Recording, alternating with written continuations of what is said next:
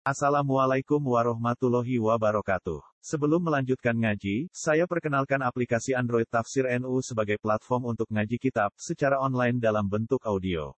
Tafsir NU berisi berbagai kajian kitab kuning dari berbagai ulama NU. Silahkan download aplikasi Tafsir NU di Google Play Store. Link download ada di deskripsi. Wassalamualaikum warahmatullahi wabarakatuh. Bismillahirrahmanirrahim. Qala al-muallif rahimahullah wa nafa'ana bihi wa bi ulumihi fid dharain amin.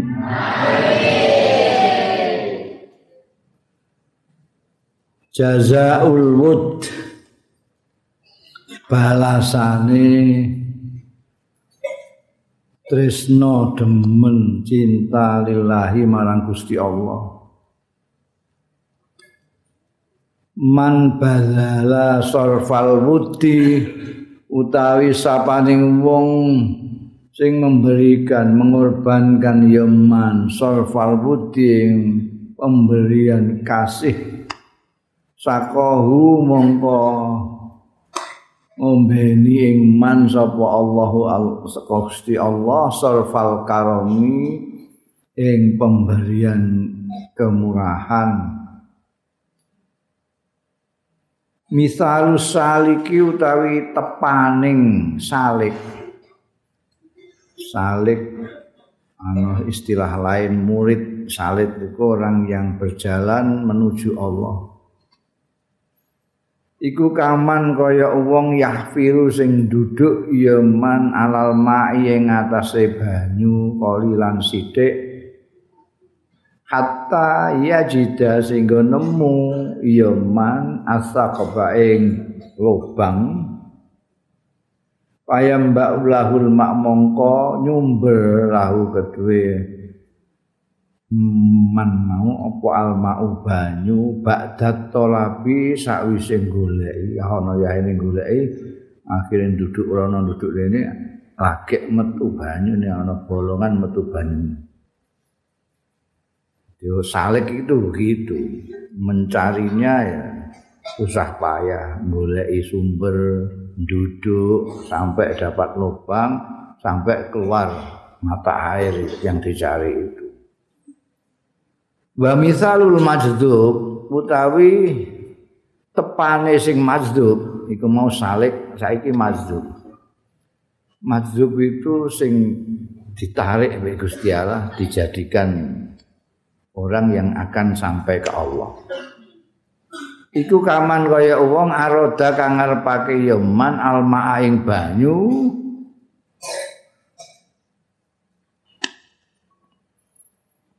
Fa umtilat lahu Fa amtalat mongko ngudani, ngudani saka udan ora saka udo.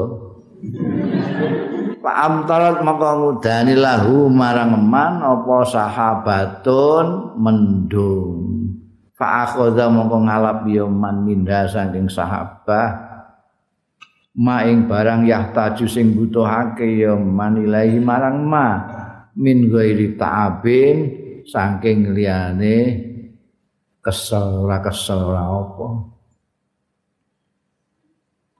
iki ning sufi ada keyakinan seperti itu. Di luar sufi ada juga banyak yang menentang tidak ada itu.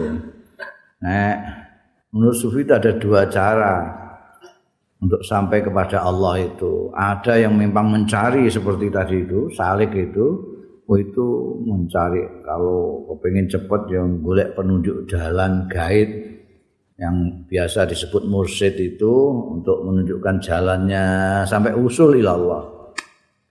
Ada yang kedua dia tidak usah cari karena memang digendaki oleh Allah. Allah yang menjadikan dia untuk jalan sampai kepada Allah. Untuk yang gambar no, Ibn Atta'illah sing salik kaya wong golek banyu iku mau sumber iku mau sing mazhub ora usah golek ana udan terus karek mangap ngono wae. Heeh, ora kesel minggu ini tahap. Ida ataita nafsaka kullama tastahi. Nek kowe tetkalane gak ono titik blas terus langsung bar bakas majdub bakas salik terus langsung ida taita ya kowe sing pinter-pinter mati di ya ida taita titik dhewe ida taita tatkalane titik karek cut ngono ae kok. Ida taita tatkalane menehake sira nafsaka ing nafsuwira ulama tastahi kapan wae semongso-mongso kepengin ya nafsuka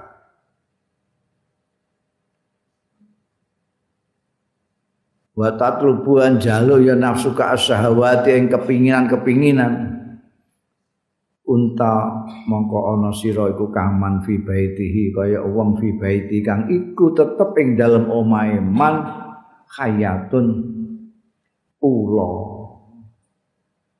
Yusminuha nglemokake ya man wakani macem-macem.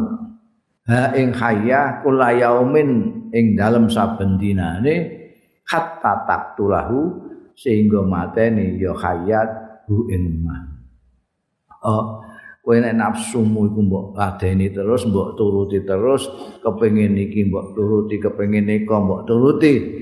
Ingin apa? Segalasnya kamu turuti terus. Iku kowe iku padha karo wong ngingoni ula. Wong ngingoni ula dilemokno pakani terus engko ndekne dicaplok. Karena nafsu ini nggak buat turuti terus, dia bisa membunuhmu.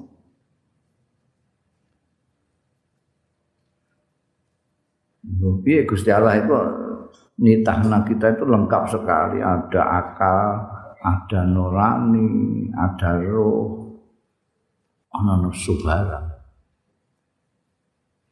Walau ju'ila fi karuh lamun di ditahno dijadekake fika ing dalem awakmu paruhu nyawa misale min ghairi nafas. Kok umpamane gak dikei nafsu la tak tayekti to asira Gusti Allah itu muji kita itu dikasih nafsu tapi disari, disari dikasih kalbu akal dan kalbu jadi sehakeh sing positif ning diri kita itu masih banyak hal-hal yang bisa mendukung kita untuk menjadi orang baik. Di sini ana nafsu tapi ada kalbu, ada hati nurani, ada akal. Jadi nek gelem ngeroyok nafsu nafsu gak iso apa-apa. Tapi kadang-kadang akal tidak berfungsi, hati tidak berfungsi apa. Hati terus nafsu ndak umpama Gusti Allah kok nitahno roh tok ora nganggo nafsu la tok tayati taat sira. Wa ma'asai talan ora bakal maksiat sira. Nah nek sebalike wa wong kata-kata walau iku ya andai kata andai kata iku ya ora. Walau ju'ila lamun didadekake fika ing dalam sira nafsu nafsu min ghairuhin saking tanpa roh la asaita yakti duraka sira wa ma'ata lan ora taat sira. Ra iso taat blas kok umpamane nafsu tok ora duwe roh ora duwe kalbu. Palidzalika krana ara iki juila didadekake fika indam sira apa? Alkol buati iku iso mbok maca juila kalbune waca kalbu iso ja'ala kalbune waca kalba tergantung untuk maca. Nek muni ja'ala ndadekake sapa Allah fika ing dalem sira al qalba ing ati.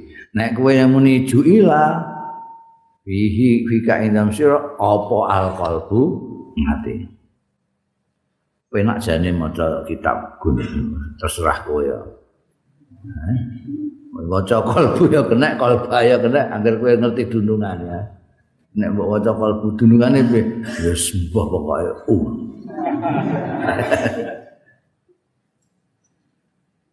Iya, walidalika ja'alani tahake sapa Allah fika ing dalam sira alqalba ing ati. Nek wis mbok waca ba ya kabeh engko mbok waca ba. Qalba wa ruha lan ruh wa nafsa lan nafsu wal hawa an hawa. No.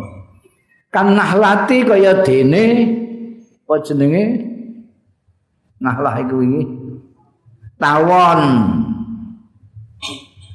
Iki yang ngono jalan dan nitahake sapa Allah fiha ing dalem nahla alasah. Untuk wal asala lan madu. Jadi walidali kata talawan maka karena iki tata lawan dadi eh bermacam-macam bervariasi bervariasi nahla. Fal asalu bibirhi wal asu biqahrihi fal asalu mutai madune iku bibiri kelawan kebagusane Allah. Ndadekno nahlah iku ana madu walas aulan entuk bikohrihi kelawan moho wasisane Gusti Allah. Gusti Allah nyiptakake sesuatu itu gak kok. Apa jenenge? Mau meligi manusia dikai nafsu tak ya ora. Dikai kalbu tak ya ora. Tawon ora dikai madu tak ya ora. Dikai tawon ya dikai entuk. Dadi ana sing manfaati ana sing berbahaya. Bunga mawar ya ana warnane indah ana baunya harum tapi ana rine juga. Gitu. Manusa ya diparingi nafsu tapi diparingi kalbu. Fa'aradallahu mongko ngesake sapa Allah ayuk sira dakwatan nafs yen menghancurkan memecahkan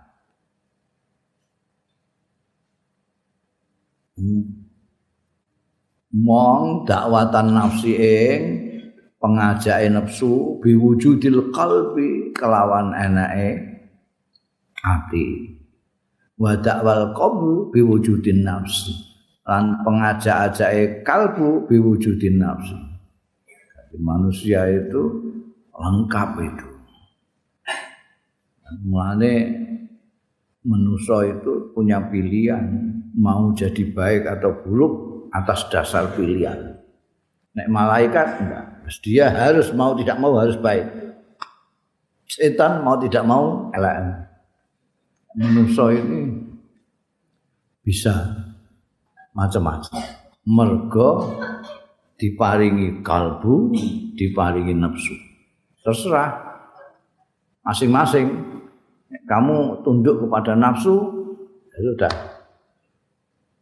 tanggung sendiri resikonya. Tapi nek kamu pakai kalbu, umumnya wong itu ada peperangan di dalam diri kita yang disebut jihad itu kadang-kadang menang kalbu kadang-kadang menang nafsu ya. nah, itu yang umum gitu hakikatul ubudiyati hakikate penyembahan pengabdian ya Abdullah eh kaulane Gusti Allah tolaba mingka antakun Pokoknya nek gue naik tolaba ya Gusti Allah rujukane nek tuliba engko nak ibu baile apa ngono ya. Tolaba nuprih sapa Allah mingka saking sira antakuna ing yen ana sira lahu marang Gusti Allah ana iku abdan kawula. Gusti Allah itu menuntut kalian untuk menjadi hambanya. Tapi fa'abaita monggo ora gelem sira antakuna yen ta ana sira ila didan kejaba lawannya. Wong dikon dadi kawula malah melawan. Ya dadi lawane Gusti iya. Ikbalu kau tai madepiro Allah yang atas Gusti Allah iku ifraduka. Anggone nyuwijekno sira lahu marang Gusti Allah bil ibadah di kelawan ngibadah Pakai fayal do moko kepriye ridho sapa Allah laka marang sira antak budaya ento nyembah sira ghairahu ing liyane Allah. Wong kowe didadekno kawulane. kowe jenenge madhep karo Gusti Allah ya kudu nyuwijekno Gusti Allah dalam pengabdianmu. Ha nek kowe terus nyembah liyane Gusti Allah, Gusti Allah jelas ora rido. Kalau ataitana lamun nekani sira ing ingsun tatlubu njaluk sira al ataa ing pamparing minas saka kita.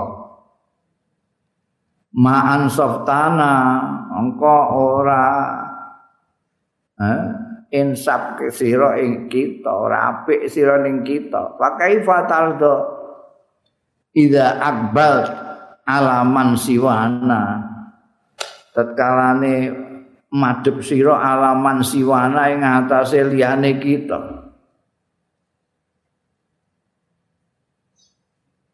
Titik. Itu gak ana titik udah gelenjer terus saya.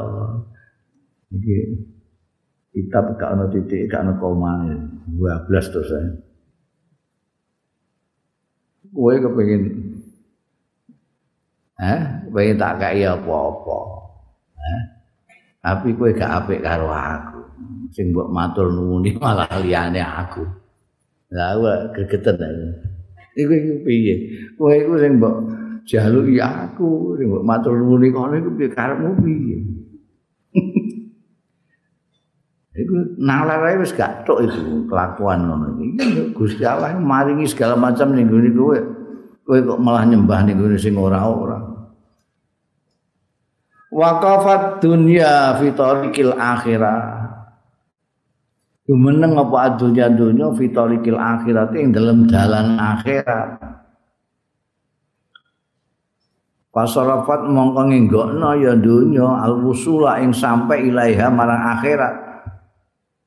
Sebalike wa waqafat lan tengok-tengok jen jumeneng apa al-akhiratu akhirat fi tariqil haqqi ing dalam dalane Allah. Ini aku sekondo nek wong-wong sufi ku nek nyebut Gusti Allah Al-Haq. Nek nyebut manusa Al-Khalq. Pamanaat mongko nyegah ya al-akhirat al-wusul ing tumeka ilaihi marang Allah. Oh, iku piye? Kowe iku ning akhirat, kepengin ning swarga, kepengin dialang-alangi karo dunya. kowe mes sembayang mbok tunda-tunda mergo ning TV ana acara apik. Kowe arep silaturahmi ora sida mergo ana Liga Itali. Kowe meh maca Quran gak sida mergo ning HP-mu muni terus ae ngejak chattingan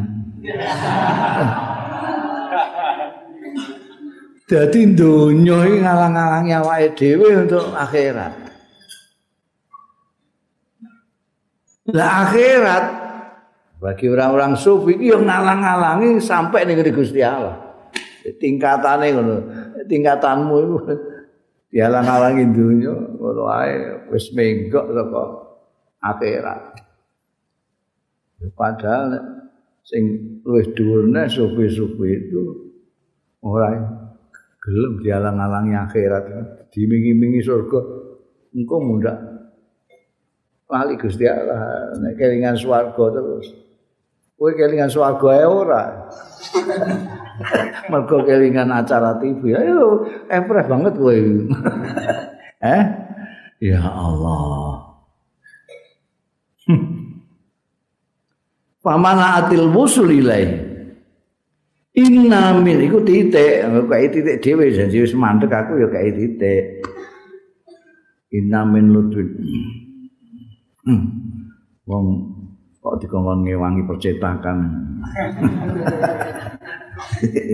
Oi, percetakan iki golek iki andik iki. Surabaya apa di Singapura, Indonesia, Jawa, Singapura. Singapura kok Indonesia. gak ngerti ilmu bumi. Lah ya ndek golek dhuwit kok karek nyetaki nyetaki nyetak blok-blok Eh? Ngok kopi paste sing lawas-lawas iku blok-blok. Mbok rada kangelan sithik dikai titik koma, ganti spasi barang ngono kan ya luwih manfaat ya ora terima untuk duit tapi untuk ganjaran. Dan ini gelender terus ini.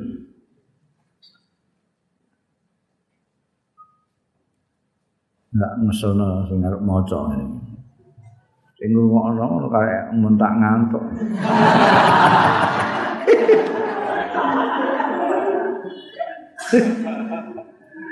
Eh, inna min lutfillahi itu termasuk saking lembute Gusti Allah, asih Gusti Allah, apike Gusti Allah. Bika kelawan sira apa ayak sifalakan uyu binafsika? Yen to mendedahkan mengungkap laka mak kanggo sira. An uyu binafsika saking cacat-cacate awak ira. Wayasturuha anin nas lan nutupi uyu binafsika anin nasi saking manusa. Pikir Gusti Allah itu begitu baiknya kepada kita. Begitu baiknya.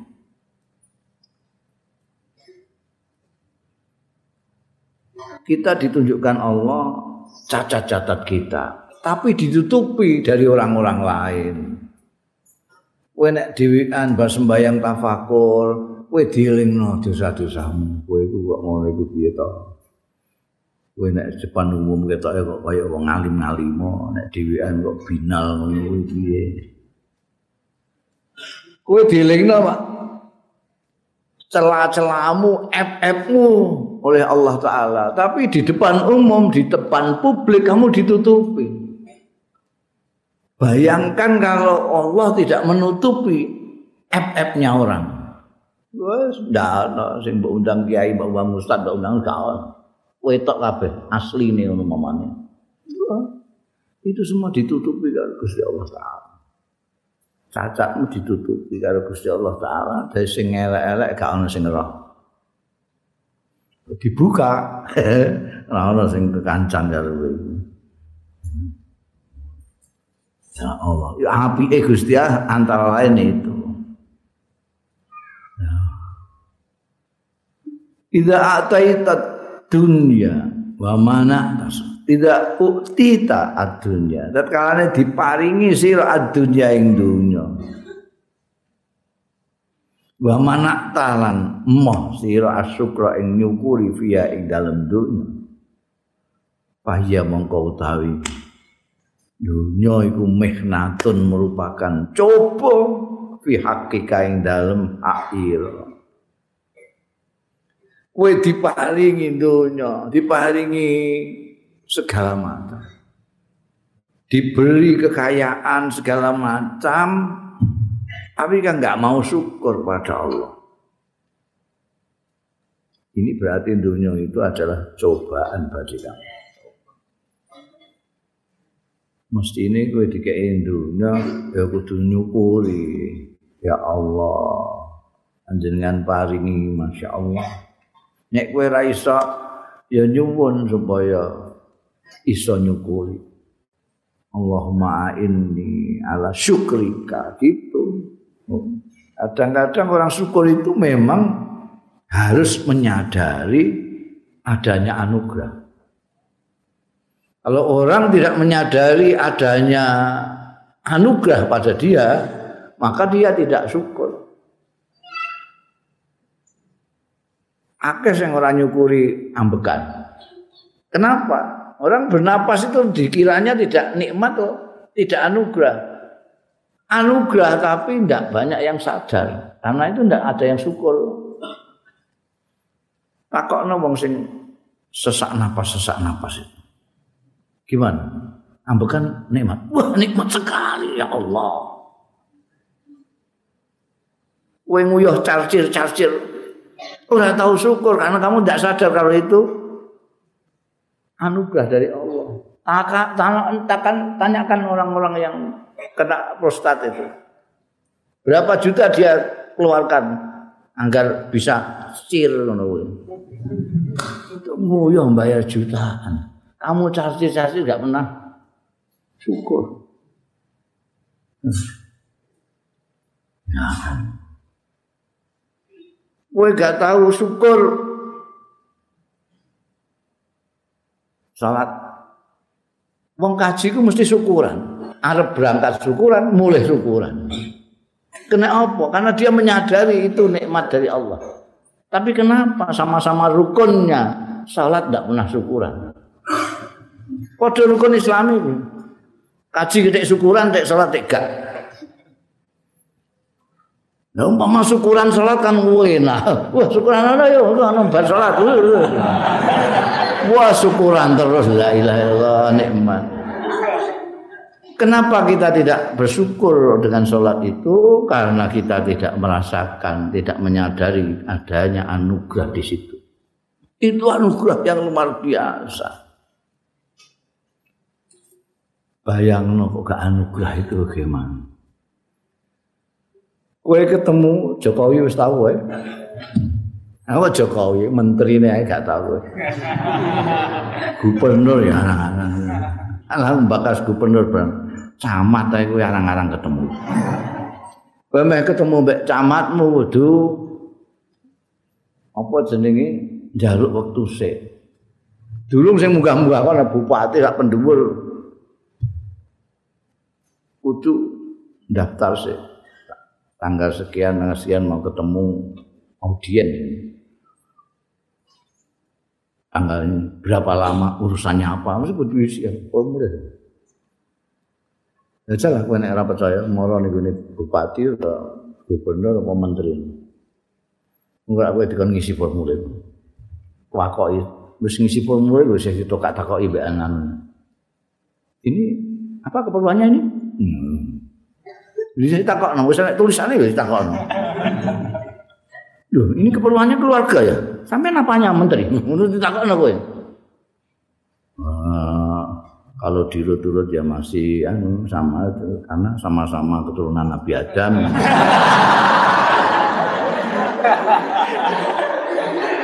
Jajal jawab ngono langsung diusir, diundang diundang satpam ini keluarga ini. Eh ganggu kerjaan orang. Sih ngono. Biyen zaman nomku itu aku pengen ketemu menteriku setiap hari satu bulan. Setiap hari.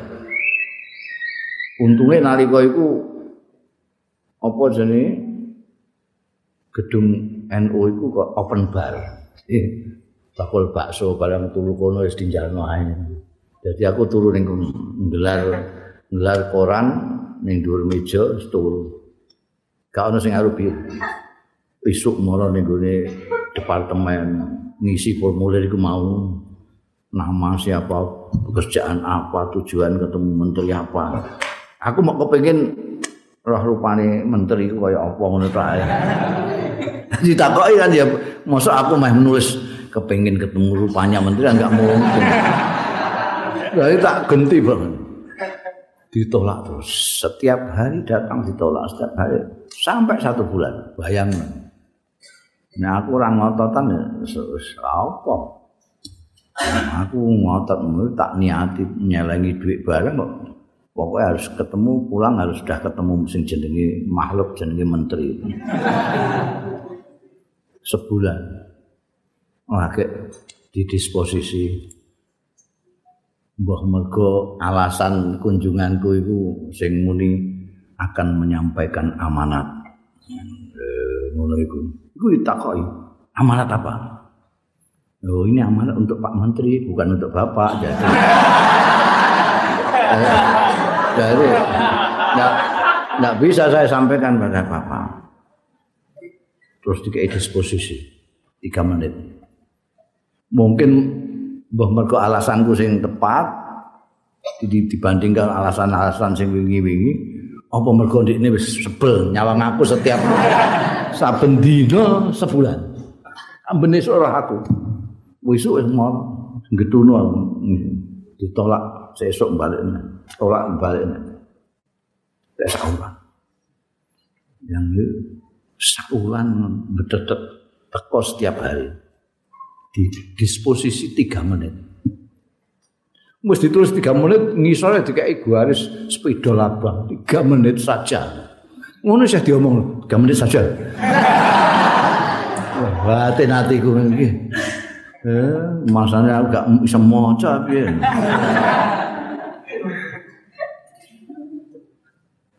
Masal tolong. Terus tunggu sebentar. Tunggu sebentar dia mlebu mahno formulir sing tak isi iki dilebokno menteri kono. Barang menteri wis bel.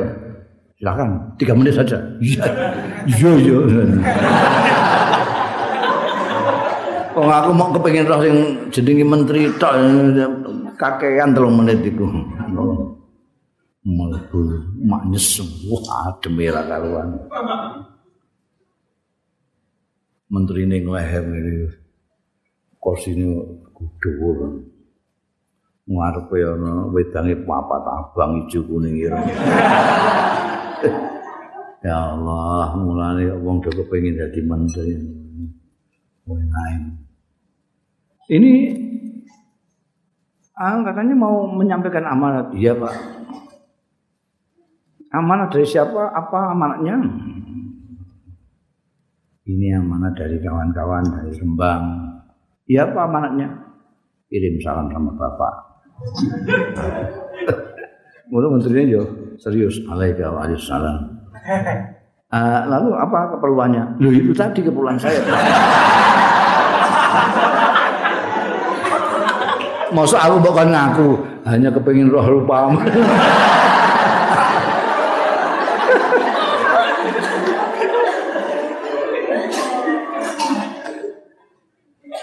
tiga bulan eh satu bulan tiga tiga bulan. Setiap pagi kayak tiga menit. Iku wis senenge ra karo. Tak cerita. Dan sing asli sing bukan nampani ya itu ajudan itu bahasa Arab hajib itu sing ngongkon aku ngisi formulir terus itu aku bisa eling terus. Biar minta ancam tak ancam kawas ning yaumul hisab kowe biar mau angkel aku dong sing wong kongkonane menteri nganti ngono sombong wong meh ketemu sediluk dialang-alangi. Suatu ketika aku cerita ngene iki ning Jakarta. Kok hadirin akeh sing guyu. Tak critakno cerita aku pengalaman meh ketemu menteri ini. Aku wis terkenal.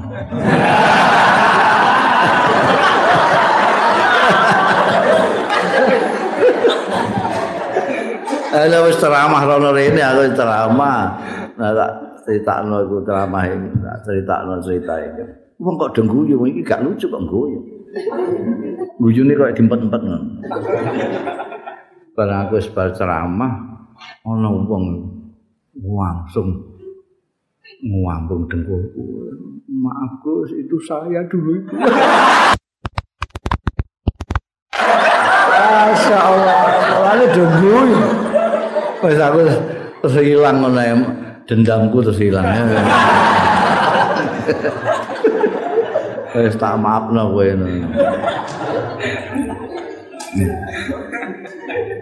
Wis kowe meh ketemu presiden. Ora iso. Kecuali engko nek bodo ada open house. Ngerti open house ora kowe? pendos itu omahe pejabat dibuka sekian jam. Dari jam sekian jam sekian menerima tamu PNS jam sekian sampai sekian menerima tamu warga. Itu ono nek bodo tapi kok antar iku daftar dhisik.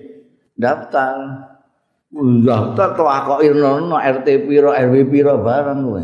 Penggaweanmu apa? Lagi engko di ngono ae sih kon mlebu ning gone. Apa jenenge? Lawangan sing muni tetet ngene iki. Saiki bayang.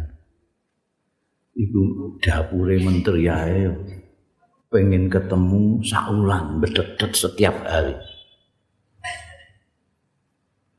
dapure presiden ae sing ngenteni bodoh turun daftar iku wae nek kowe kedaftar iso ketemu nek ora. Lah iki presidene presidene presiden. open house setiap hari lima kali. Open house. Liane open house silahkan mau isu-isu ya kena, tengah bengi ya kena. Angger kowe gak ngorok. Bahaya kowe. Anjing Nabi mau sepisan mikraj iku, mau sepisan. Kue iso lima kali sehari mikraj itu.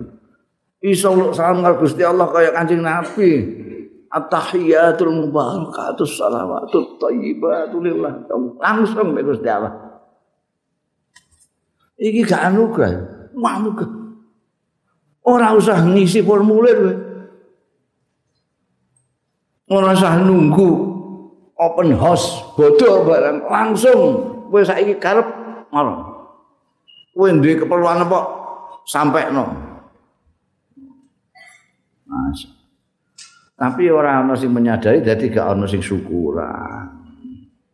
Nek kaji kan wah aku wong Indonesia bisa dipilih dadi haji duyufur rahman tamune pangeran. Uh, syukur.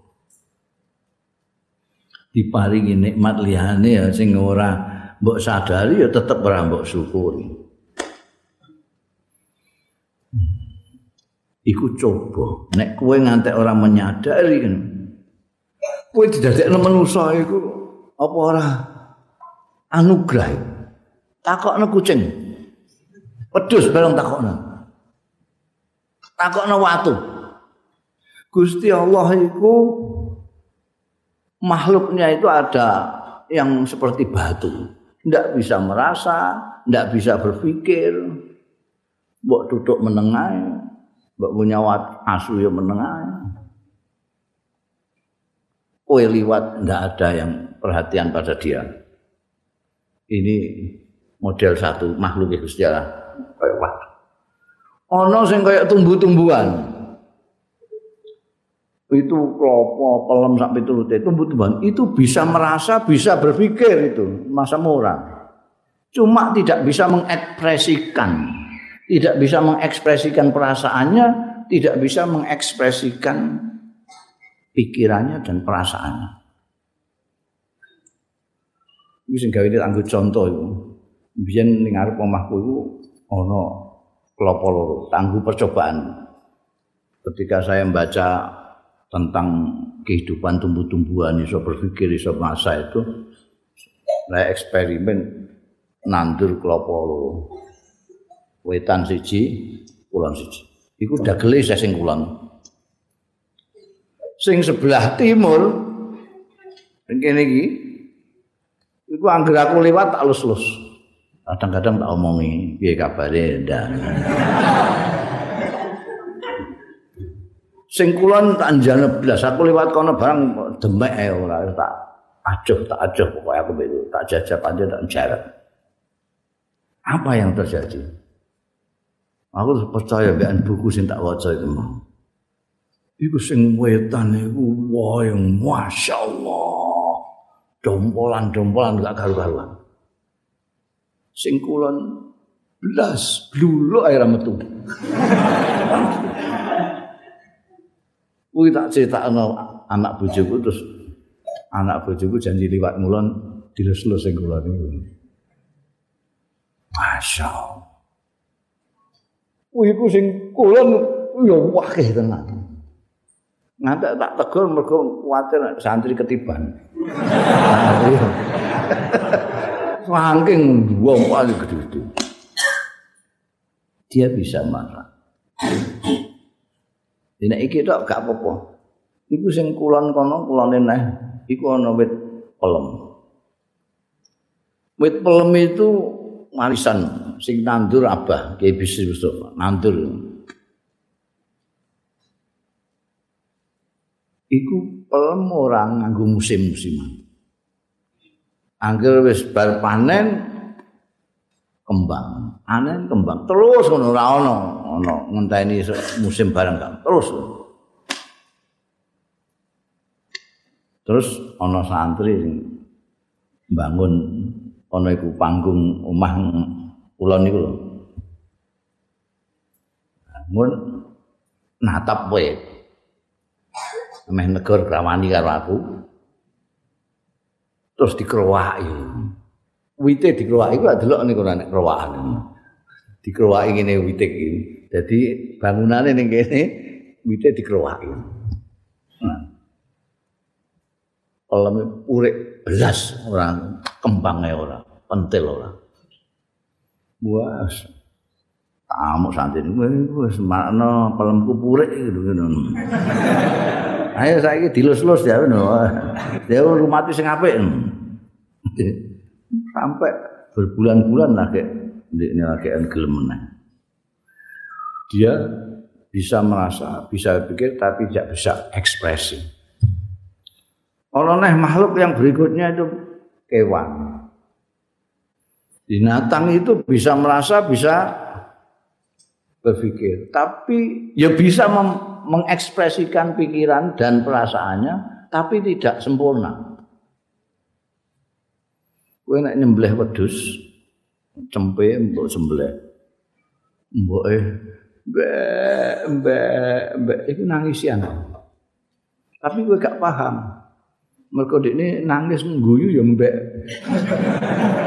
yang tidak bisa mengekspresikan tapi perbedaannya sedih, hembean, gembira itu apa dia tidak bisa. Nah kita ini diciptakan Allah punya pikiran, bisa berpikir, bisa merasa, bisa mengekspresikan pikiran dan perasaannya sampai detail. Gambar no kerinduan. Karena kue belajar bahasa orang Semakin kosakatamu banyak, semakin bisa kamu mengekspresikan perasaan segala macam. Ini menggak syukur. Orang nyukuri mergo ora rumangsa. Gak gelem nakokno ning kene wedhus barang iku. Takokno ning wedhus. Enak anti dus kowe mbek aku. Nggih nak sampean. Sampean boten ate sembelih.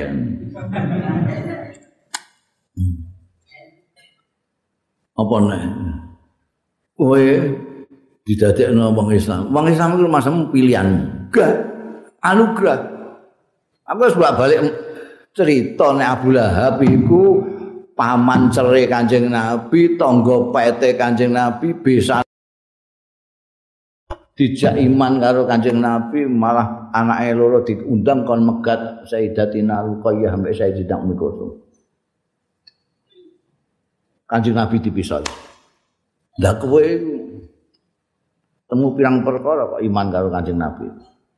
Abu Lahab ora. Kowe nempel apa-apane ya ora. Gantenge ya ora.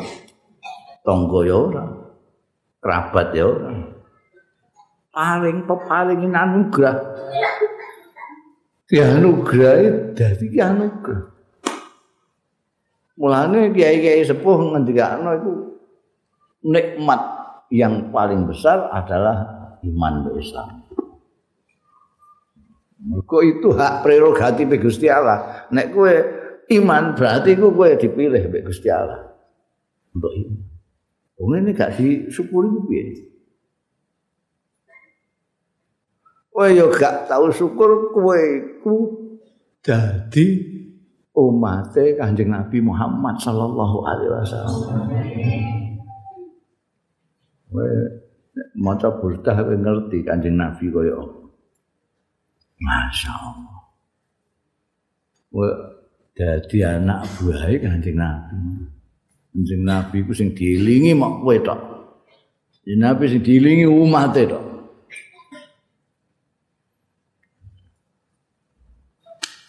Umat salah di Ngapura, umat dosa dijaluk nang Ngapura, kuwi Kanjeng Nabi.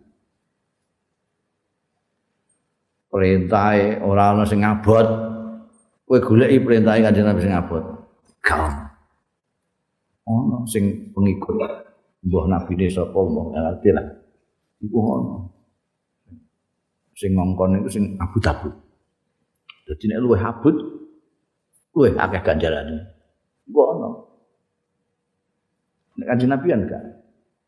Sing paling apik iku sing lumrahe manusa ngono tok ae. Jadi kowe lumrah manusa, terus paling apik. Nek kowe model-model niru ketek barang, wis anu. oh enak. Ono agama iku sing luwih berat luwih akeh ganjarane. Dadi turu ning gone lemah ganjarane luwih gedhe timbangane ning kloso. Turu ning kloso. Ganjarane luwih akeh timbangane turu kasur. Turu ning dhuwur paling akeh ganjarane. Iku ana sing ngono. Nek ning gone Kanjeng Nabi Muhammad gak semakin kamu itu lumrah manusia semakin baik. Gue sebagai lumrah manusia orang mangan sedino, orang mangan sedino, terus diolehi mangan. Nek kue lumrah manusia jawab, kue sedino orang mangan, terus diolehi mangan. Kue ndang mangan pongkongko. Eh? Mesti enggak segera makan. Mau dari sehari enggak makan kok. Dia bani untuk makan, mesti ndang gaginan. Lah kowe ndang gaginan buka iku untuk bonus ganjaran takjil foto.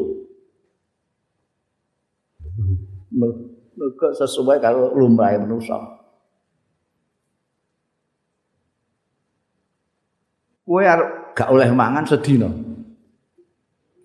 Iku kowe enake mangan saiki apa engko jam 12 apa engko ae nek cedak-cedak subuh. Ya cedak subuh ben sing antep ning weteng. Lha ngono iku lumrahe manungsa, milih engko. Nek kowe milih cedak-cedak subuh untuk bonus sunah takhir sahur. Sing ora tau ngaji muni Sahur kok ya ini bangun sarapan aku.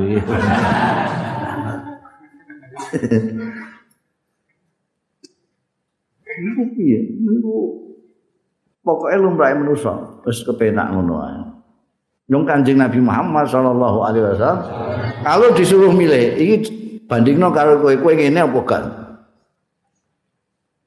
Kanjeng Nabi itu kalau disuruh milih dua hal, suruh milih, dua-duanya tidak haram asal ya. asal dua-duanya tidak haram mesti milih yang gampang nek kowe milih sing sing gampang sing ngabot nah, berarti kowe lumrahe manusa kanjeng Nabi. Iki gak tau mbok syukuri yo melok kanjeng Nabi ya Allah. Kanjeng Nabi. Kanjeng Nabi dawuh umat ya khulunal jannah. Kabeh umatku mlebu swarga kabeh. ilaman apa kejaba sing mau hanya sing mau tok sing ora mlebu swarga. Sing mau sinten sing mau ya sing gak melak kanjeng Nabi wong kanjeng Nabi ku ning ngarep dhewe mas ning swarga kanjeng Nabi rono ikon swargane ning kono kanjeng Nabi rono lah kowe nek merono ya nang swarga lah nek kanjeng Nabi rono terus kowe ngetan dhewe berarti kowe mau Oh, cah iki mau ning swarga. Gak gelem metutno Kanjeng Nabi. Ya, enak dadi umat Kanjeng Nabi ya Allah. Tangkem itu. Liyane kati sengkap. Jero gak entuk kok. Aku tahu ning Mesir panas 50 derajat. Angin samum nuabrak godong-godong langsung alum. Numpak bis nyekel hampir panas era korona. Arep turu peturan tak siram buahnya. Balik no wis panas nih.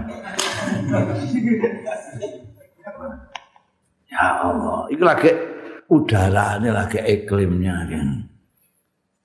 Ono kiai sing mukim ning Mekah itu ngono, ora aku gak seneng kuning Mesir untuk ku jagung ning arep omah kok desinan. Ini gak desinan masuk angin. Di Indonesia ya Allah. Ning Indonesia ora sah nandur kowe pelok apa uncana dadi wit pelem. Pelok aja dadi pelem. ayat bisa mbok bakar mbok goreng Oh ya telo iku.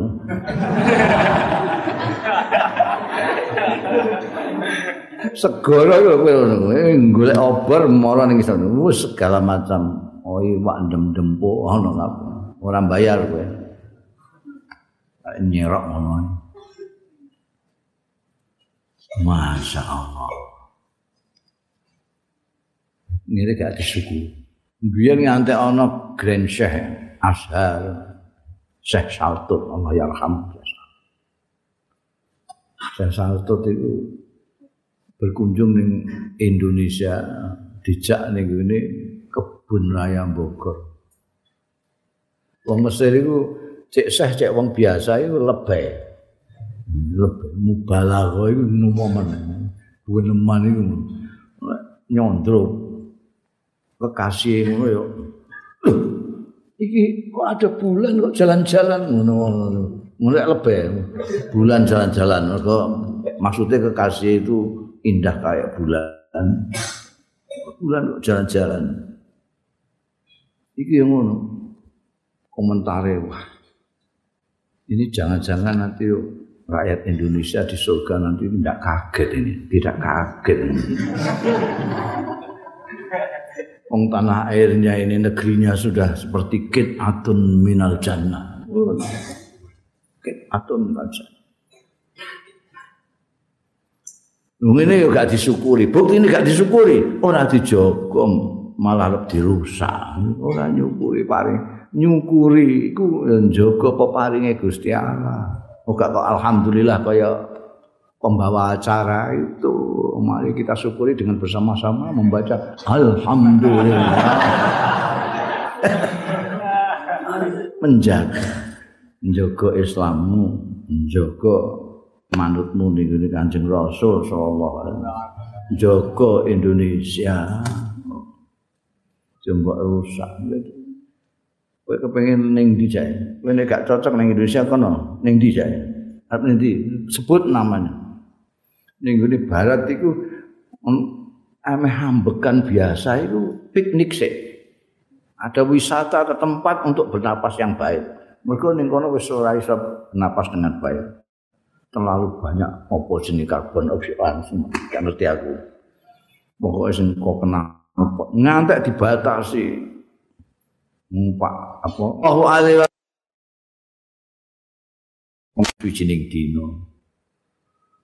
la abdiru aku kula niku mboten saged ala antagibaan ing atase yen to kisah-kisah mawon jenengan ani saking kula kula jenengan tinggal-tinggal mawon mboten kiyat kula eh ana kiai ditinggal-tinggal terus mek kiai ini nyai ini terus matur mboten kuat jenengan tindakan terus niku kula kalih sinten Masa ngelani guling terus mau.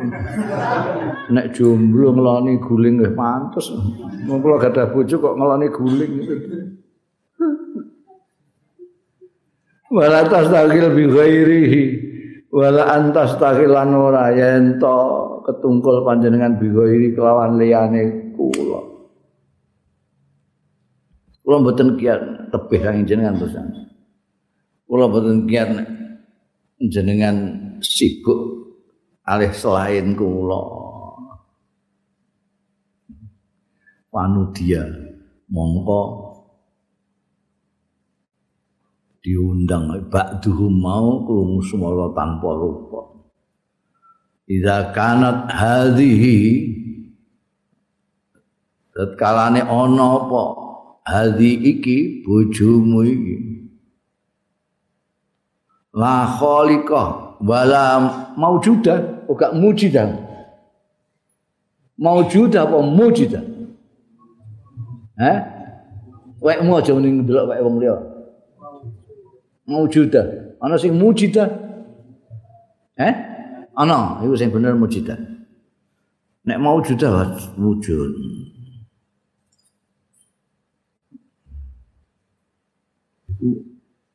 rasa gak iso di gak bisa dibodoni. Khaliqah kok ambek majudah iku piye? Khaliqah iku sing nitake.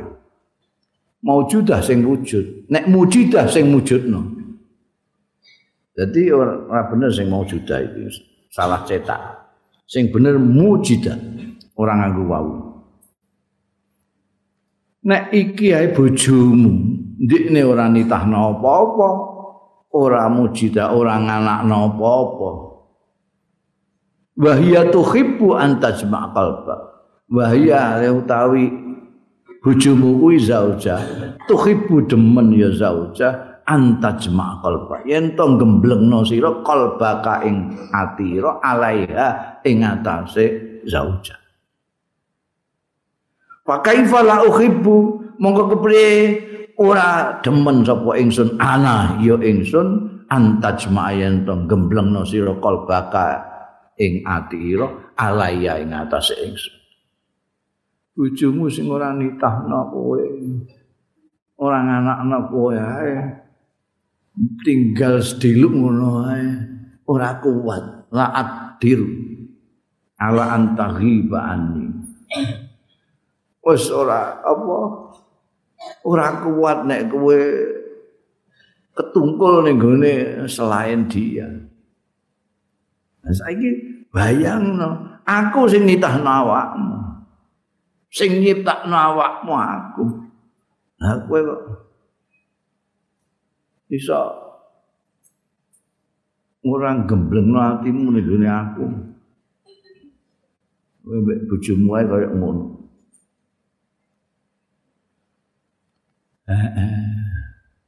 Iki ana titik endengaren. kuntu marotan iki dawuh Syekh Ibnu Athaillah kuntu ana sapa ingsun marotan suatu kali Inda Syekh Abil Abbas ana ing ngasane Syekh Abil Abbas Al-Mursi radhiyallahu taala anhu. Ini guru beliau.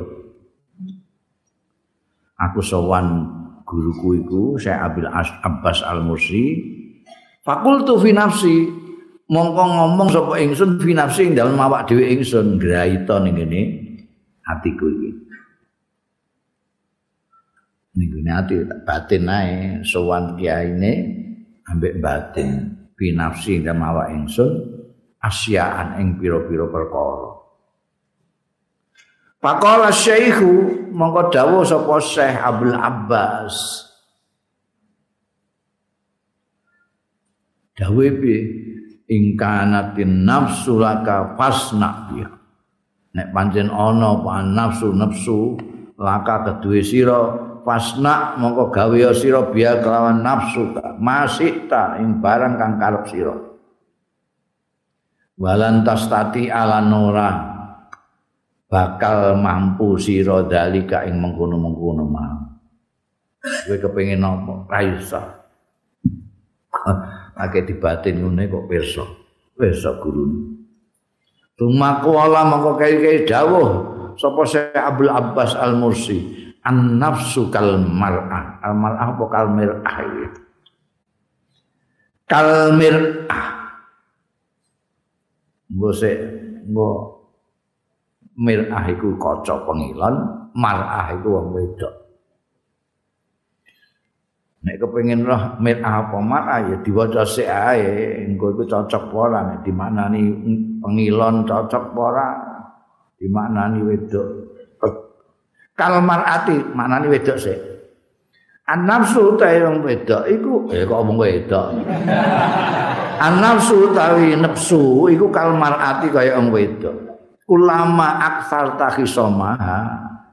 Mongko lamun ngekeh-ngekehake sira kisamaha ing nukari mar'a ketoke mar'a iki kisam itu tukaran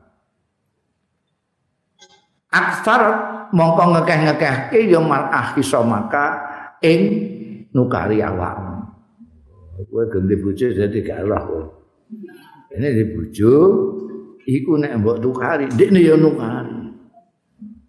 Gak gelem ndekne ngalah mbok tukari terus melayu gak. Madoni dene wong wedok wong wedok ngene lah wong lanang ya ngono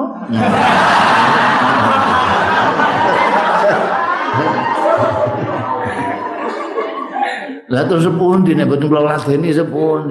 Wis ah fasalim ha ila rabbiya dawe saya Abdul Abbas Al Musi. wis nyerahno sira ing imro'ahmu iku ila rabbia marang pengirane wis serahno pengiranmu ae Gusti niki pun mboten pun mati di bojo kula niki mangke geger terus mau salahno nyerahno sira niku ne pangeran nira yaf'alu kok ben nindakake sapa rabbuha biha kelawan imro'ah mayasa ing barang kang ngersakake sapa rabbuha. Parubama ta'ibat mongko menawa-menawa ini kesel vital biadiha ing dalem anggone didik-dik anak ikan pirang-pirang. Kesel lah kowe men lunga terus ae ora tau nunggu mulane pala tangkoju mongko ora gelem nurut ya imro'ah laka maring sira ini kesel ya kowe nek ditukari ya manut ae aja kowe sing malah mulai nukari. Gaweane wong wedok iku pirang-pirang. Kowe kan ngrokak ngrokok tae. Wedok iku ana medusi anak, ana masak, wedang ngliwet sak pitulute mbah-mbah katokmu barang. Fal muslimun.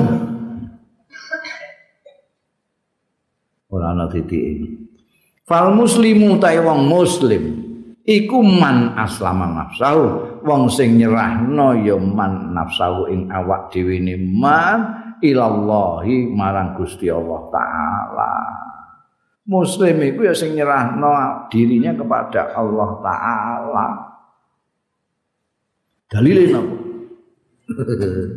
Bidalili kaulihi ta'ala langsung kowe nek takok dalil.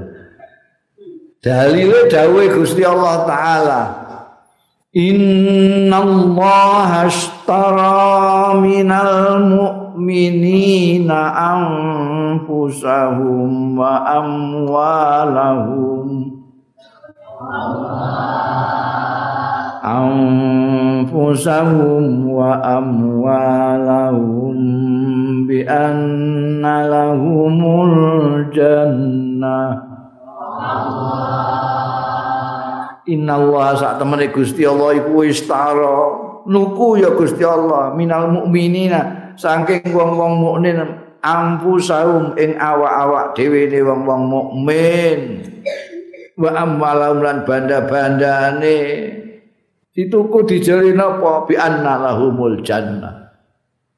Oh, lawan setune iku kedue mukminin al jannah gak kepenak kowe dikongkon berjuang nganggo awakmu nganggo bandamu segala macam dijoli swarga. Kok moh kowe?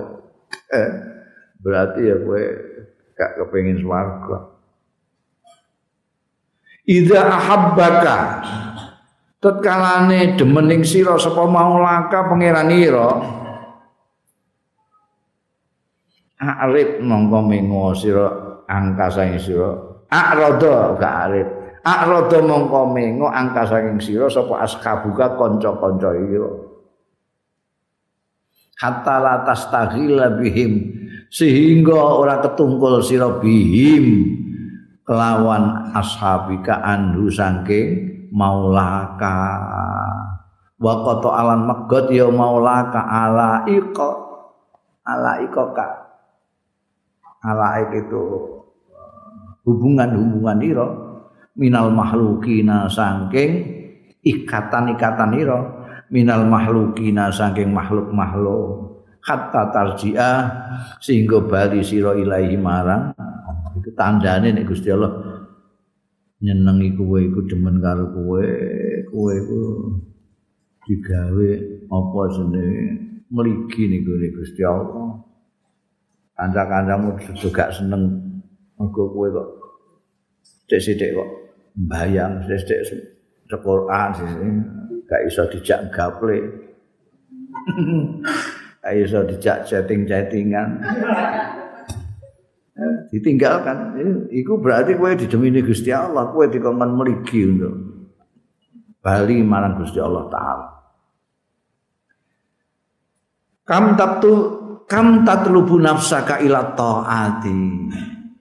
Pira wae nuprih sira menuntut sira nafsaka ing nafsu ira ila taati marang taat.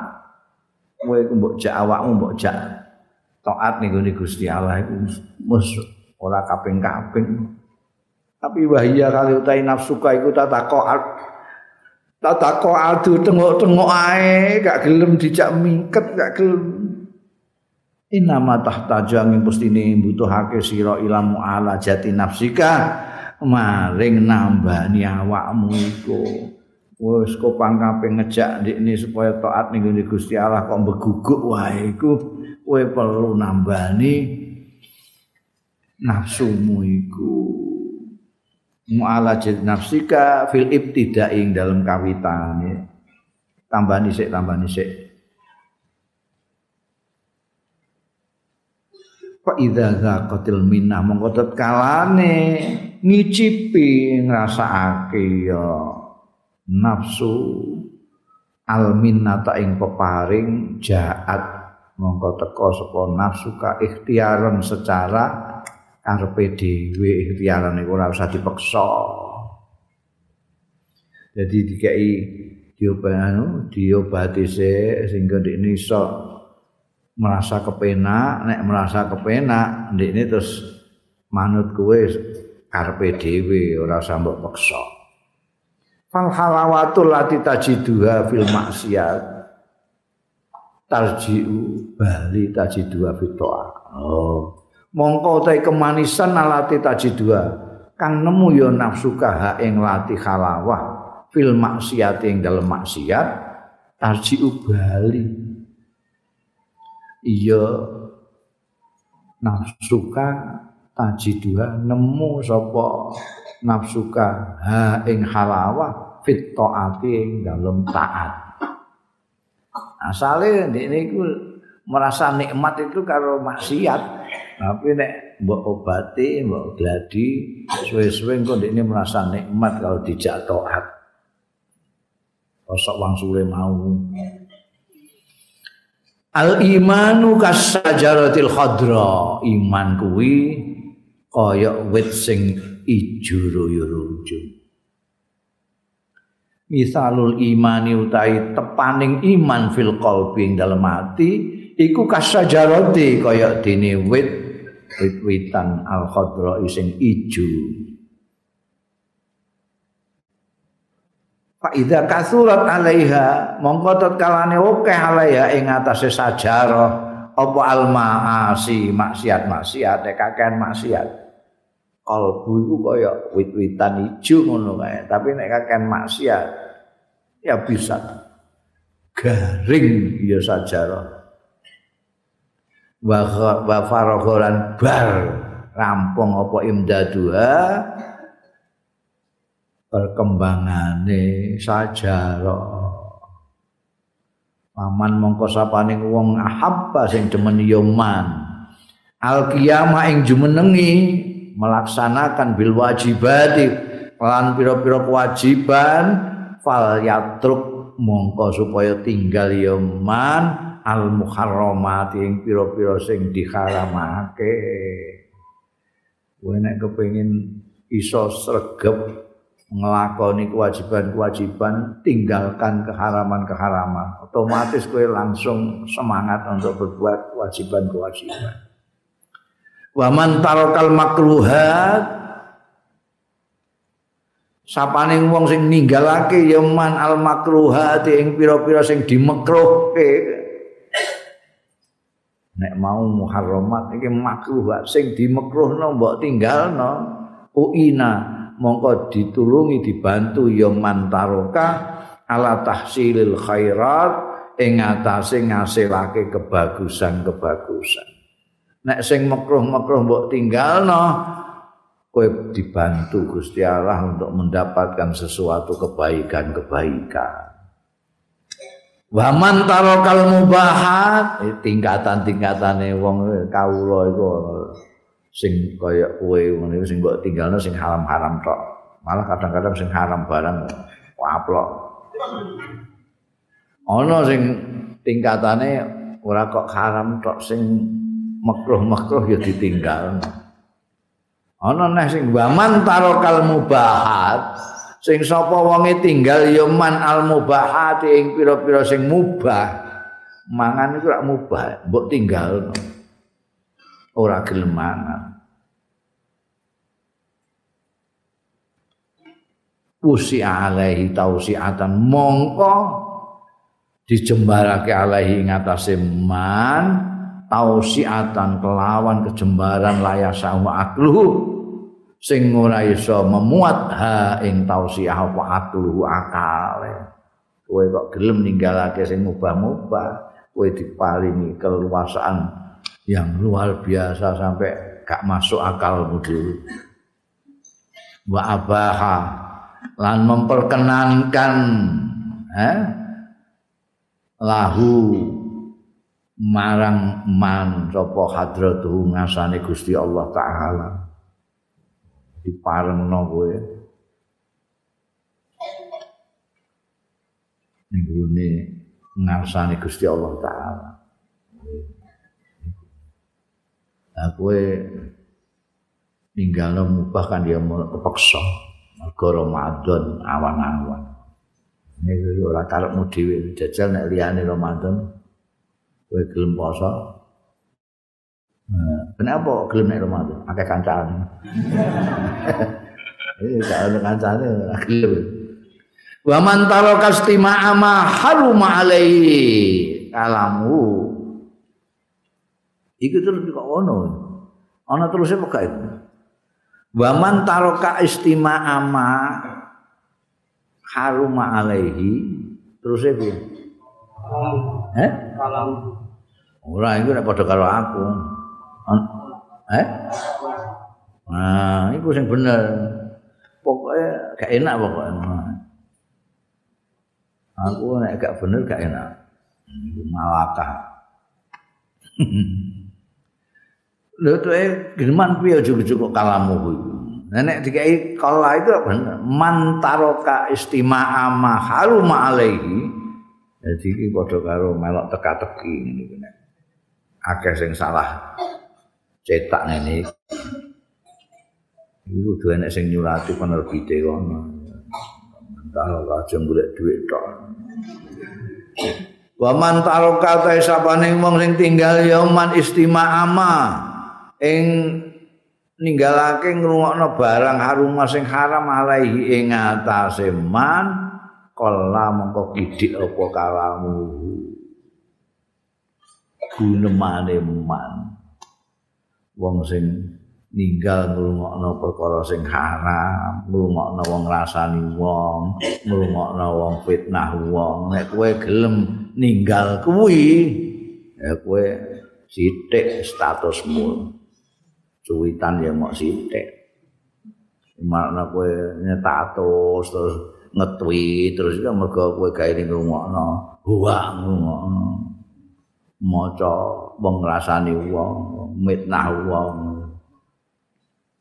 Jajal aku nek ora ora sithik walakin ma'ahwanal gharaba allati fiha hawa nafsika alaika. Tapi aduh empre gharaba keterasingan allati fiha kang fiha kana ing gharaba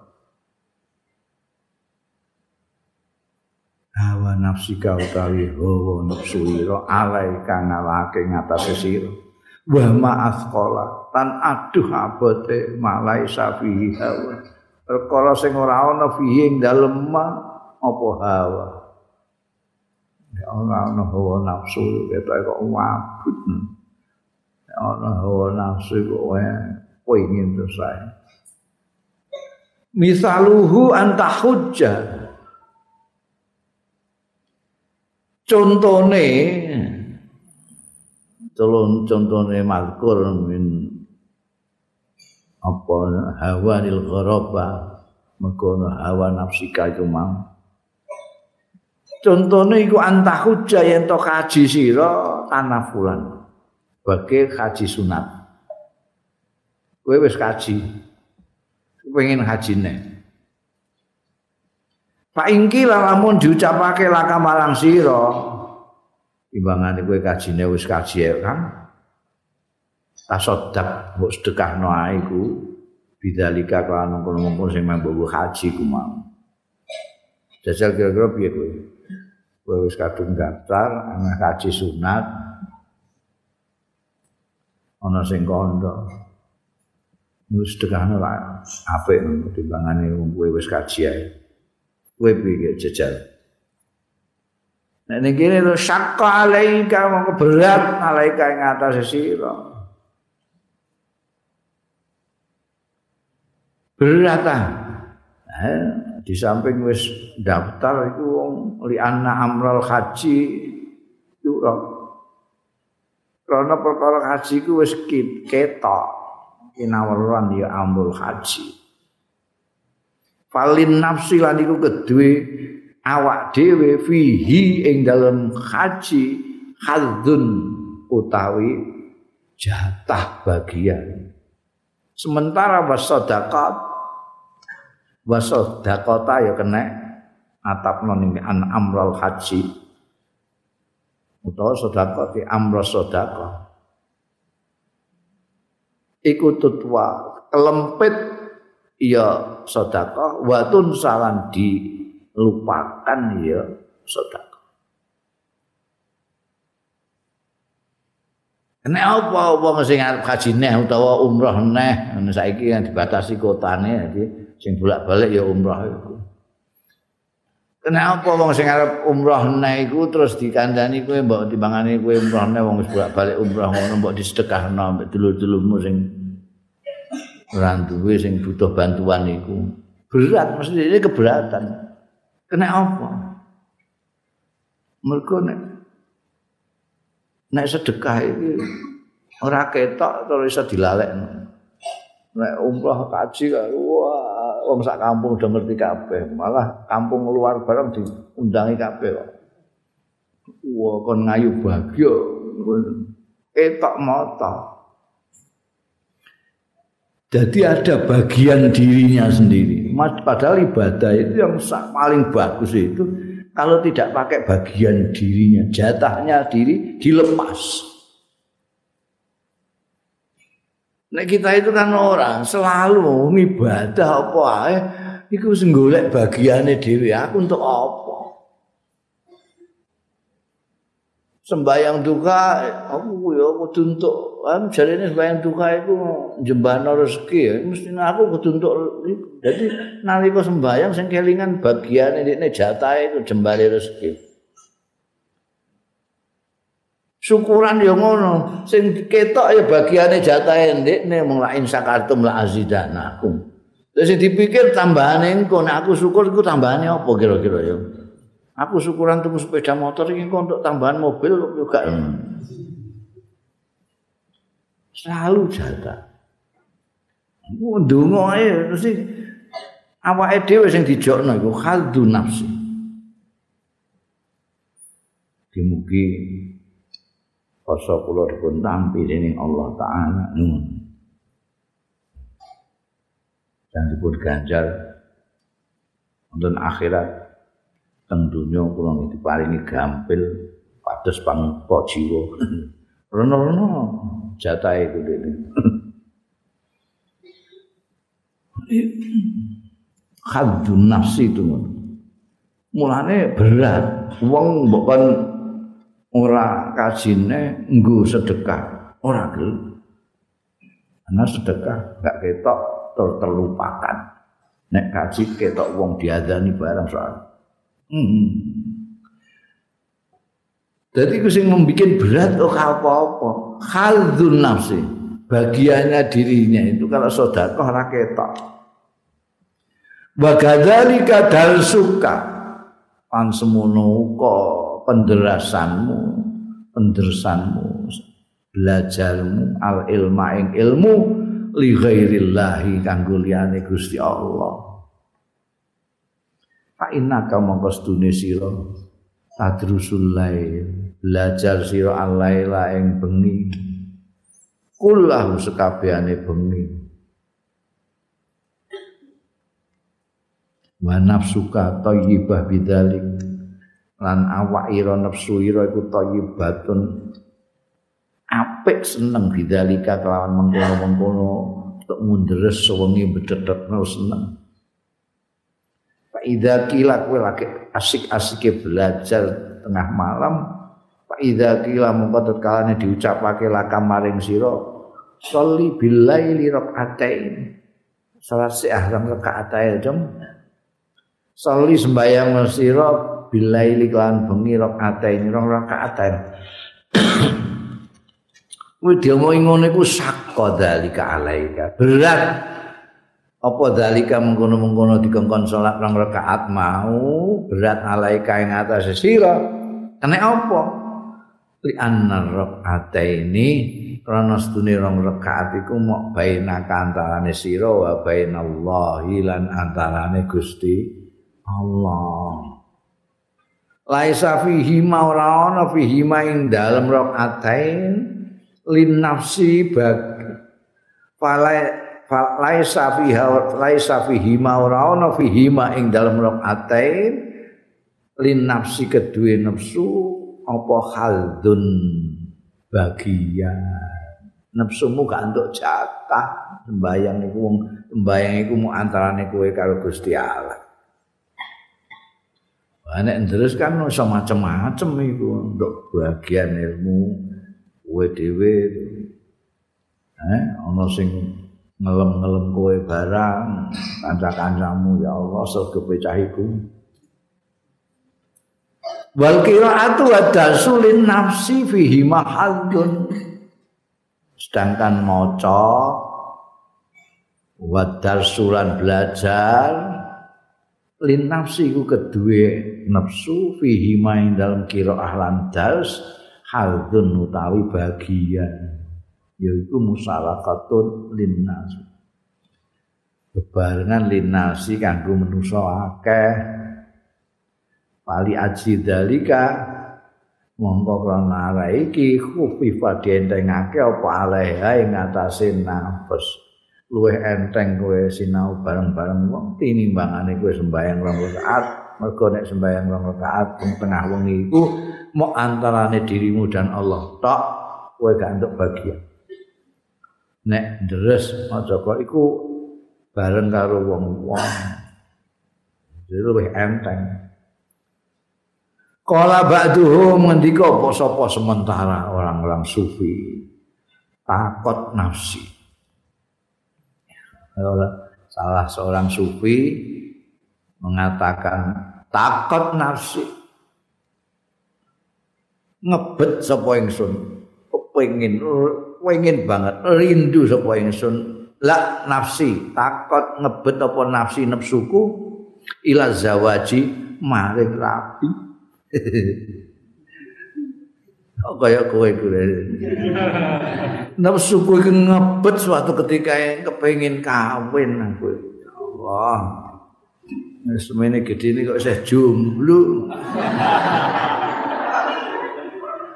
Wes kuwingine nemen aku iku meh kawin iku. Dadak paroa itu mongko ningali sapa ingsun al mihraba ing pengimaman ning pengimaman kodin syakka teman-teman. Insyakul meliwek apa? Ngene apa? Meliwek. Iki pengimaman terus duduk ngono iku apa? Pecah apa apa hmm? Apa? Sigar ya sigar ya kena lah. Pokoknya pecah jadi loro ngono hmm. Pengimaman kok meletek jadi loro. Qadin syaqqa. Meletek kono wa kharaja minhu lan metu minhu saka mihrab sing sigar iku mau apa nalun sandal min dzababin saking emas muka lalin sing ditretes beluk-luki kelawan mutiara. Ono sandal emas bertreteskan mutiara. Fakilali. mongko dingendikake limarang ingsun. Iki ya swara tanpa rupa. Akeh ngebet-ngebete kepengin kawin. Jadi pakai itikaf mau sunat persembahyang sunat kok rasanya kok kepengin kawin. Dadak peletok pengimaman minyak metu sandal emas bertatahkan mutiara. Terus ana swara tanpa rupa fakilali hadza na'luha. Kowe nek kepengin raya kowe kepengin kawin. Iki sandal iki andal emas tetes mutiara iki iku na'luha. Iku sandale widodari bagian mbok sandale kaya ngene endahe pakai wajuha monggo kepriye wajahe eh wajah itu dari sandale kaya ngene kowe terkagum-kagum apa meneh raine hmm. roh di ngono iku terus pangkotoat mengko terputus apa syahwatun nikah kepengin nikah itu sebadar sebelum kasih itu kasih terus no ae jungkung iki ayo roh sandale bidodari mongko terputus apa sahwatun nikah keinginan untuk nikah mingkol bisa kok ati ingsun. Ikhfaul a'mal menyembunyikan amal-amal. Man huyiat lahul manazil utawi sapaning wong huyiat sing dicawi sake lahu kanggo man. Apa al manazilu pira-pira omah? Lam yardo mongko ora ridho sapa eman lahu kanggo man bil kuudi kelawan tenguk-tenguk alal mazhabili ing atase pluruan. Kowe kok tenguk-tenguk ning pluruan iku digawekno omah apik-apik ngene kok kowe tenguk ning pluruan gak ana wong sing ngono kuwi. Ono mah ya ayu ah marani omah ya. Lah apa tengok-tengok niku ni mazhabil. Fa'malil a'mal as-solihat bainaka bainallah sirran. Fa'mal mongko ngamal sira al-a'mal as-solihati ing amal-amal sing saleh bainaka antarane awakmu tok wa bainallahi lan antarane Gusti Allah sirran secara rahasia. Rasa kandak-kandak wong itu antara kamu dengan Allah saja. Wala tutal lan aja ndudohno sira alaihi ing ngatasé amalmu mau sing sirron mau ahlaka ing ahlira waj'alhu lan dadekno sira ing amalmu sing rahasia mau mudakharan dadi simpenan indallah. Ana ing ngasane Gusti Allah tajidhu mongko nemu sira ing amal mau yaumal kiamat ana ing dina kiamat. Kuning kiamat. Rahasia kowe ngamal dhewean keluargamu aja ana sing roh. Wis rahasia iku rahasia antaramu dan Allah dengan Tuhan ayo jadi celengan. Hari kiamat kamu temukan fa innan nafsa lahat apa terus e? Fa innan nafsa mongko nafsu. Laha iku kedue nafsu. Tamatuk oh, tak ya? Utawi kepenak ngrasa enak bidzikril amal kelawan nutul amal.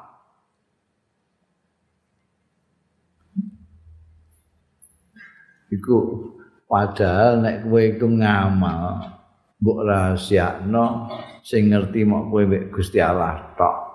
Keluargamu barang tidak ngerti. Iku engko kowe nemu amalmu kowe ngenteni gone-gone dina kiamat. Tapi nafsumu iku ora kepengin, ora seneng ngono iku.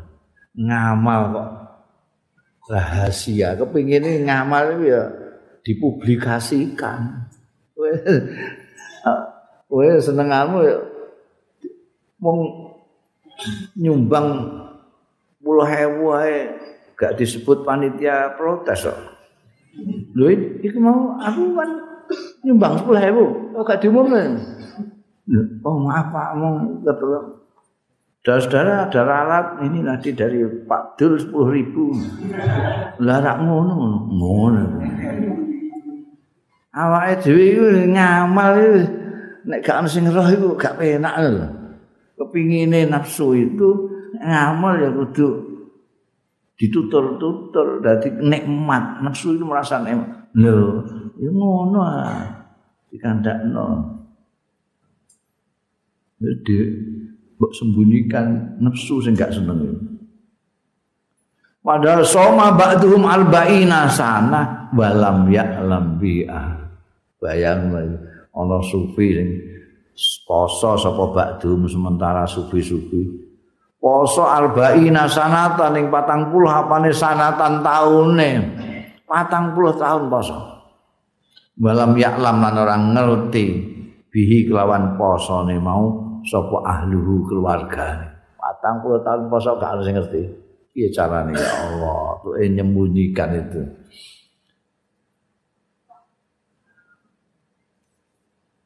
La tunfik ojo nasarukno sira aja nafakahno sira amfasaka ing napas-napas sira fi ghairi taatillah ing dalem liyane naati Gusti Allah.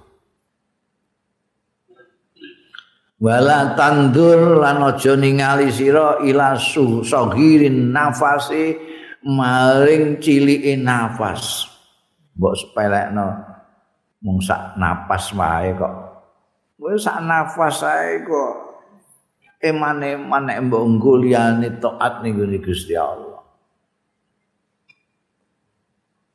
bal undur aja mbok empreh nomor go napas bal undur balik ning alono sira ila miqdarihi maring nilaine nafas mau wa ila malan maring barang yuktillah sing paring sapa Allah Gusti Allah al abda ing kawula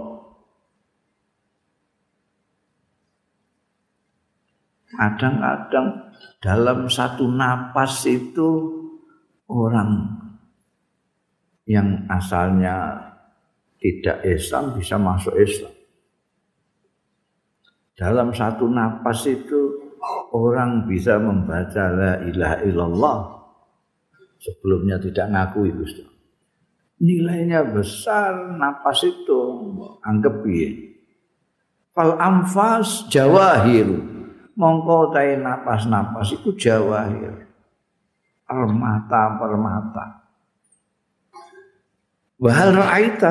Ana to ningali sira akadan ing seseorang yarmi buang melemparkan jauhar jauharatan ing permata alam masbalatin ing ngatasé peluruan kowe tau tumon ana wong buak permata ning ngene peluruan napasmu itu permata. Jadi harus kamu hargai. Apa tuslihu zahiruka wa tufsidu batinaka? Mongko ana to ngapikno sira, matutno sira zahiraka ing jabamu wa tufsidu lan ngrusak sira batinaka ing jeroanmu. Hmm. pencitraan. Jaim. Iku. Jabamu mbok tata masyaallah kaya yo yo jerone rusak apa kowe kepengin ngono kuwi? Terus sapa sing mbok pameri? Pameri sapa? Gusti Allah sing mbok pameri. Citraan-citraan ngono iku. Ora gawok blas. Ini delok jeroan. Gayane dituwata sedemikian rupa. Dia apik-apik njabane pencitraan. Ngantek watuke barang diatur sing kira-kira berwibawa. Watuk berwibawa itu kaya apa? Wakeane ditata dene tapi jeroan rusak. Nggo apa? Pamisaluka mengkau tepo ira nek kowe mok ngapiki lahirmu tok citramu tok jeromu elek jemur jeromu rusak pamisaluka mengkau tepo ira iku kal majdum kaya wong sing lara lepra ora bisa nganggo sapa mazdum siaban jadi datan pakaian sing anyar gres kinclong kinclong pakaian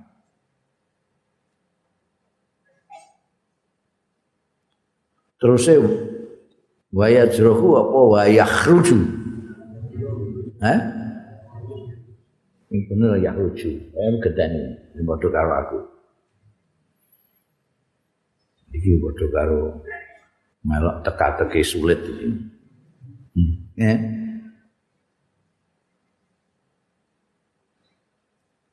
Ku nek gak bawa cara kalimat ora ngerti bedane apa kok yakhruju mbek yajrahu. Nganggo pakaian manyar gres tapi wa yakhruju minhu fil batin metu minhu saking mazdum fil batine jerone. Apa sing metu? Alqaihu nana. Wong dikne lara jazam. Metu nana jero pakaiane wanyar gres apik. Setrikanan jerone nanah wasadi tulan sadid padha nanae tapi nek koeh ku nanah tok nek sadid campur darah itu wong Arab itu bahasane sugih banget. Jadi nanah itu kan ana sing kuning-kuning mangkak rada ijo ngono kae. Gila ni wong ini. Tapi ana sing ana abang-abang iku sodit. Iku ndlewe ning jero. Nek kowe macak pencitraan tapi jeromu ora mbok api rusak. Iku padha karo iku mau. Wong pakaiane anyar jerone nanah tok dleweran fa anta tuslihu ma yang dulu ilahin nas mongko utahe sira iku tuslihu bagusake matotake sira maing barang. Yang dulu kang ningali ilahi marang ma sapa annasu wong akeh. Kamu hanya mematutkan dirimu untuk yang dilihat oleh publik. Mbok atur nek kira-kira meh menghadapi orang banyak, menghadapi publik, mbok atur penampilanmu, serbanmu, jubahmu, jasmu segala macam kamu atur demikian rupa supaya tampak betul-betul wibawa kaya orang hebat.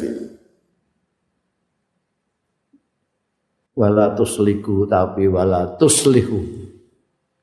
Ora matutake sira qalbaka ing kalbumu alladzi huwa li rabbika kang huwa alladzi huwa kang huwa ya ladzi li rabbika kanggo pangeran sing justru kanggo pangeranmu ora mbok patutake ku piye eh terus kowe entuk apa paling-paling wong ya muni wah ngono to.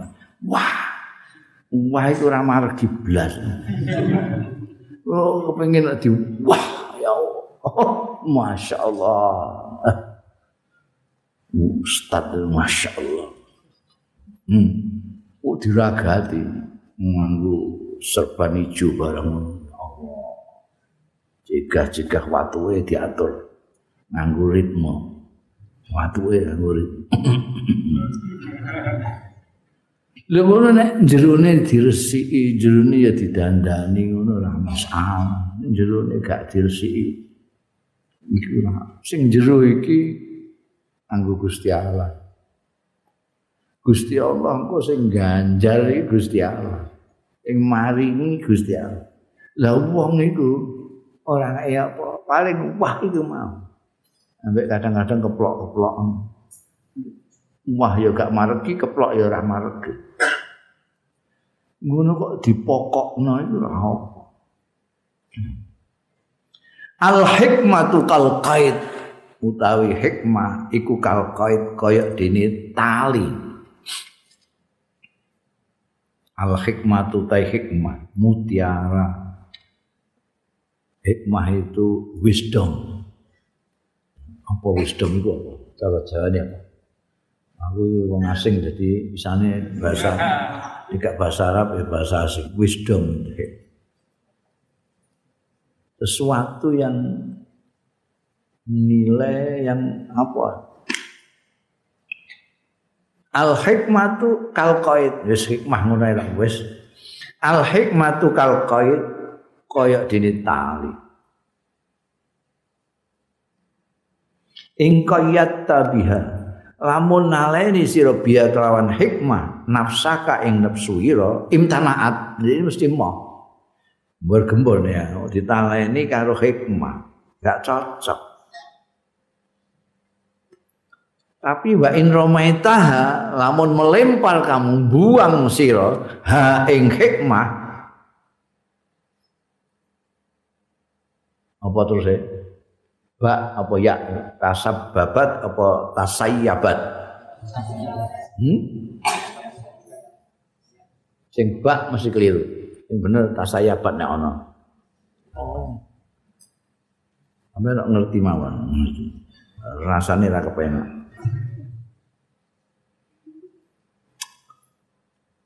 Soalnya gak cocok mek ngarepe ngarepe iku apa jenenge imtanaat.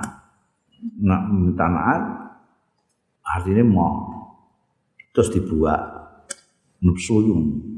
Tapi nek kowe buat hikmah iku tasayyabat mau ngembalno ya nafsuka. Wis untuk serah jenengan anggere mboten hikmah mboten jenengan talekake tengku.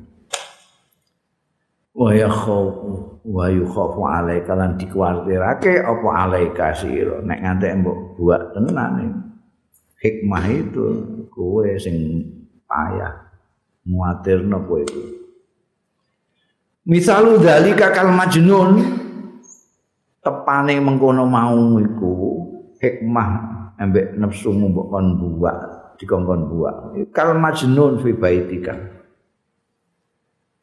tepane nafsumu sing ora gelem terikat dengan wisdom itu kaya wong edian kal majnun fi baitika ing dalem omahe. Bayangno ning omahmu ana wong edan. Yukharibuhu ngrusak ya majnun suwawati kabeh. Eh kaca jendela disuwat eh TV diwendang Wayak ta'u ngono. Wayu qata'u macane ya, tulisane ngono lah tapi macane sing kudu wayu qat. Wayu qati ulang ngetok-ngetok asli apa ing pakaian. Lambimu disuweki kabeh, diketok-ketok wong edan dapakno. Omahmu dirusak, pakaianmu diketok-ketok. cekel fa idza qayyatahu ngotot kalane bondo sira ing majnun istarah. Monggo tenang sira. Nek ora mbok jalno ae rusak kabeh omahmu pakaianmu bedal wis gak karu-karuan. Cekel taleni taleni. Kayak iso apa-apa dene kowe tenang wong edan gembur-gembur lah. Kowe iso tenang.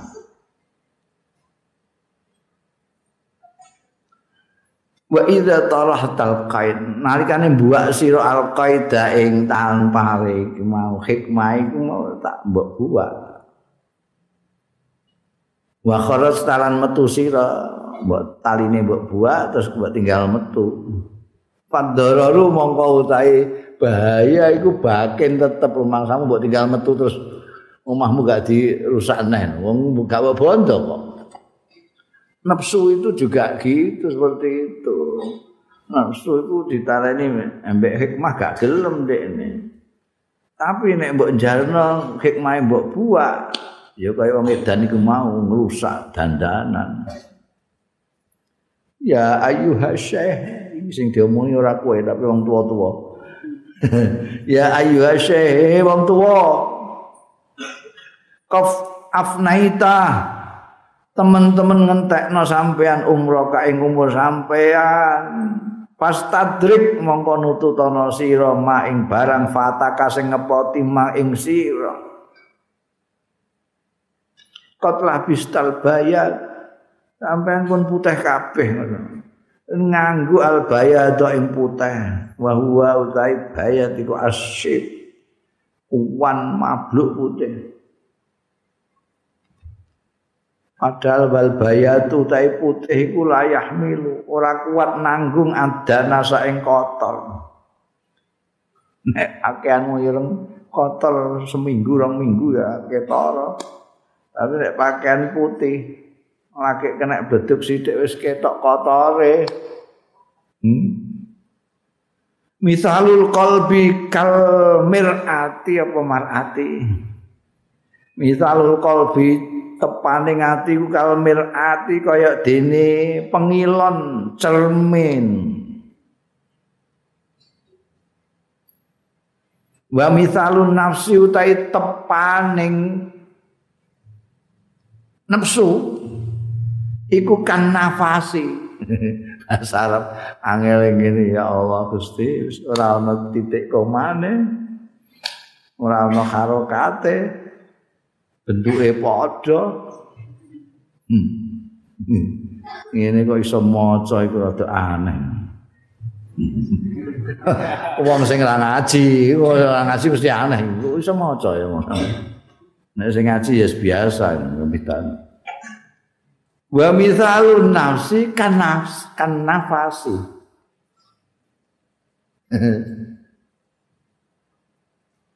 Sampai nggak sakit macam itu tak kira-kira. Yang cocok pola jajan morate cocok pola. Wa mithalun nafsi tepaning nafsu iku kan nafasi kaya napas. Nak nafas sampai nafas nafas itu nafsu atau diri nafas itu ambekan. Dununge piye kok anafsukan nafas Ulama tanafasatin nafsu alal mir'at. Nalikane bernapas apa awak dhewe utawa nafsu alal mir'ati ing ngatasé kaca pengilon tasawwadat mongko dadi burem. Jajal mbok mbok abapi ngono dadi butek nih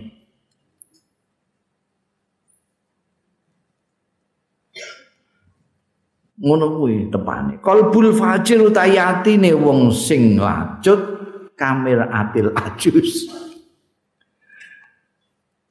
atine wong sing lacut iku kamil atil ajus kaya kaca pengilane wong wedok tuwek nenek-nenek.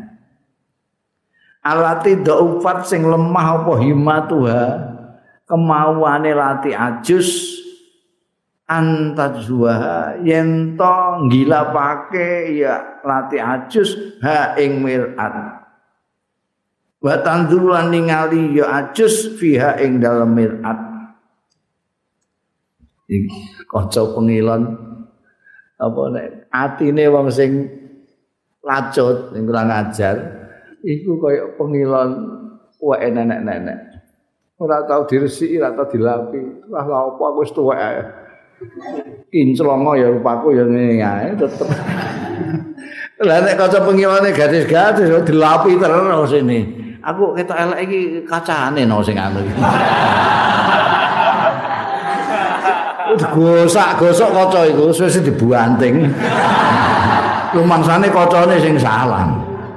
Lah nek wis dadi nenek-nenek iki lha apa?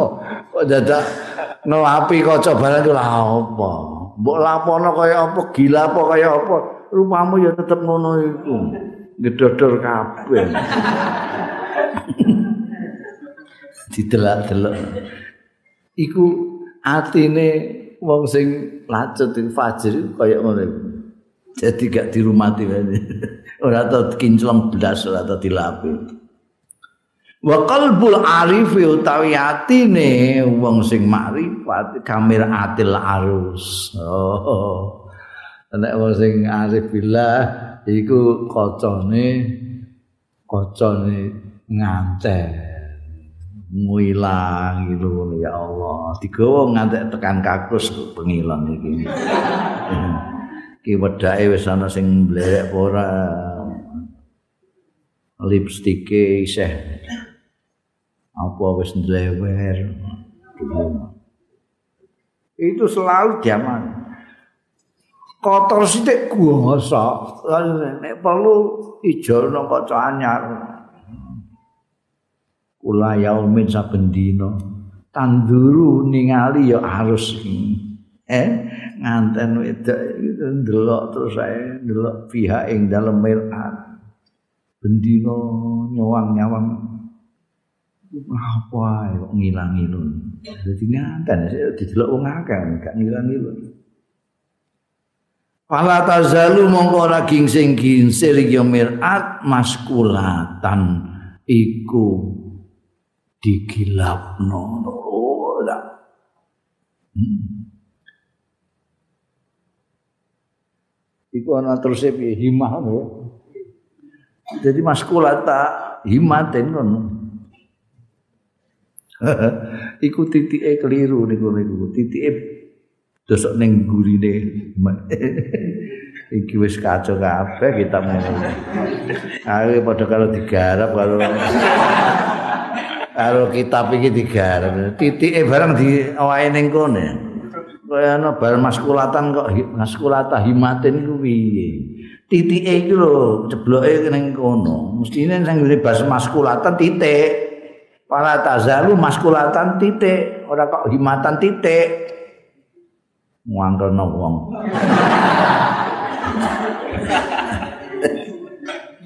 Surati ya surati nggih penerbite iki. Piye karepe buka neliti blas gak gelem nyambut gawe kopi paste tok ae Jadi sing kono keliru, keliru kabeh nek kopi paste. Jadi mandek titik maskulatan. Jadi nek kaca pengilane nganten niku terus gilap terus ora dibiarkan burem sithik langsung dilapis. Iku atine al-arif ya ngono kalbune al-arif. Titik. Lah saiki geneman liya himmatuz zahidin. ya Allah.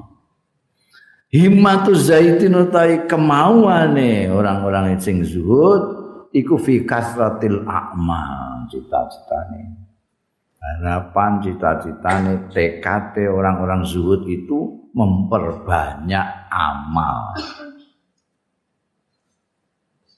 nek wahimatul arifin tekate kemauane cita-citane orang-orang yang arif billah iku fi tashihil ahwal. Ing dalem benerake hal-hale. Dadi ana istilah hal ana istilah makom.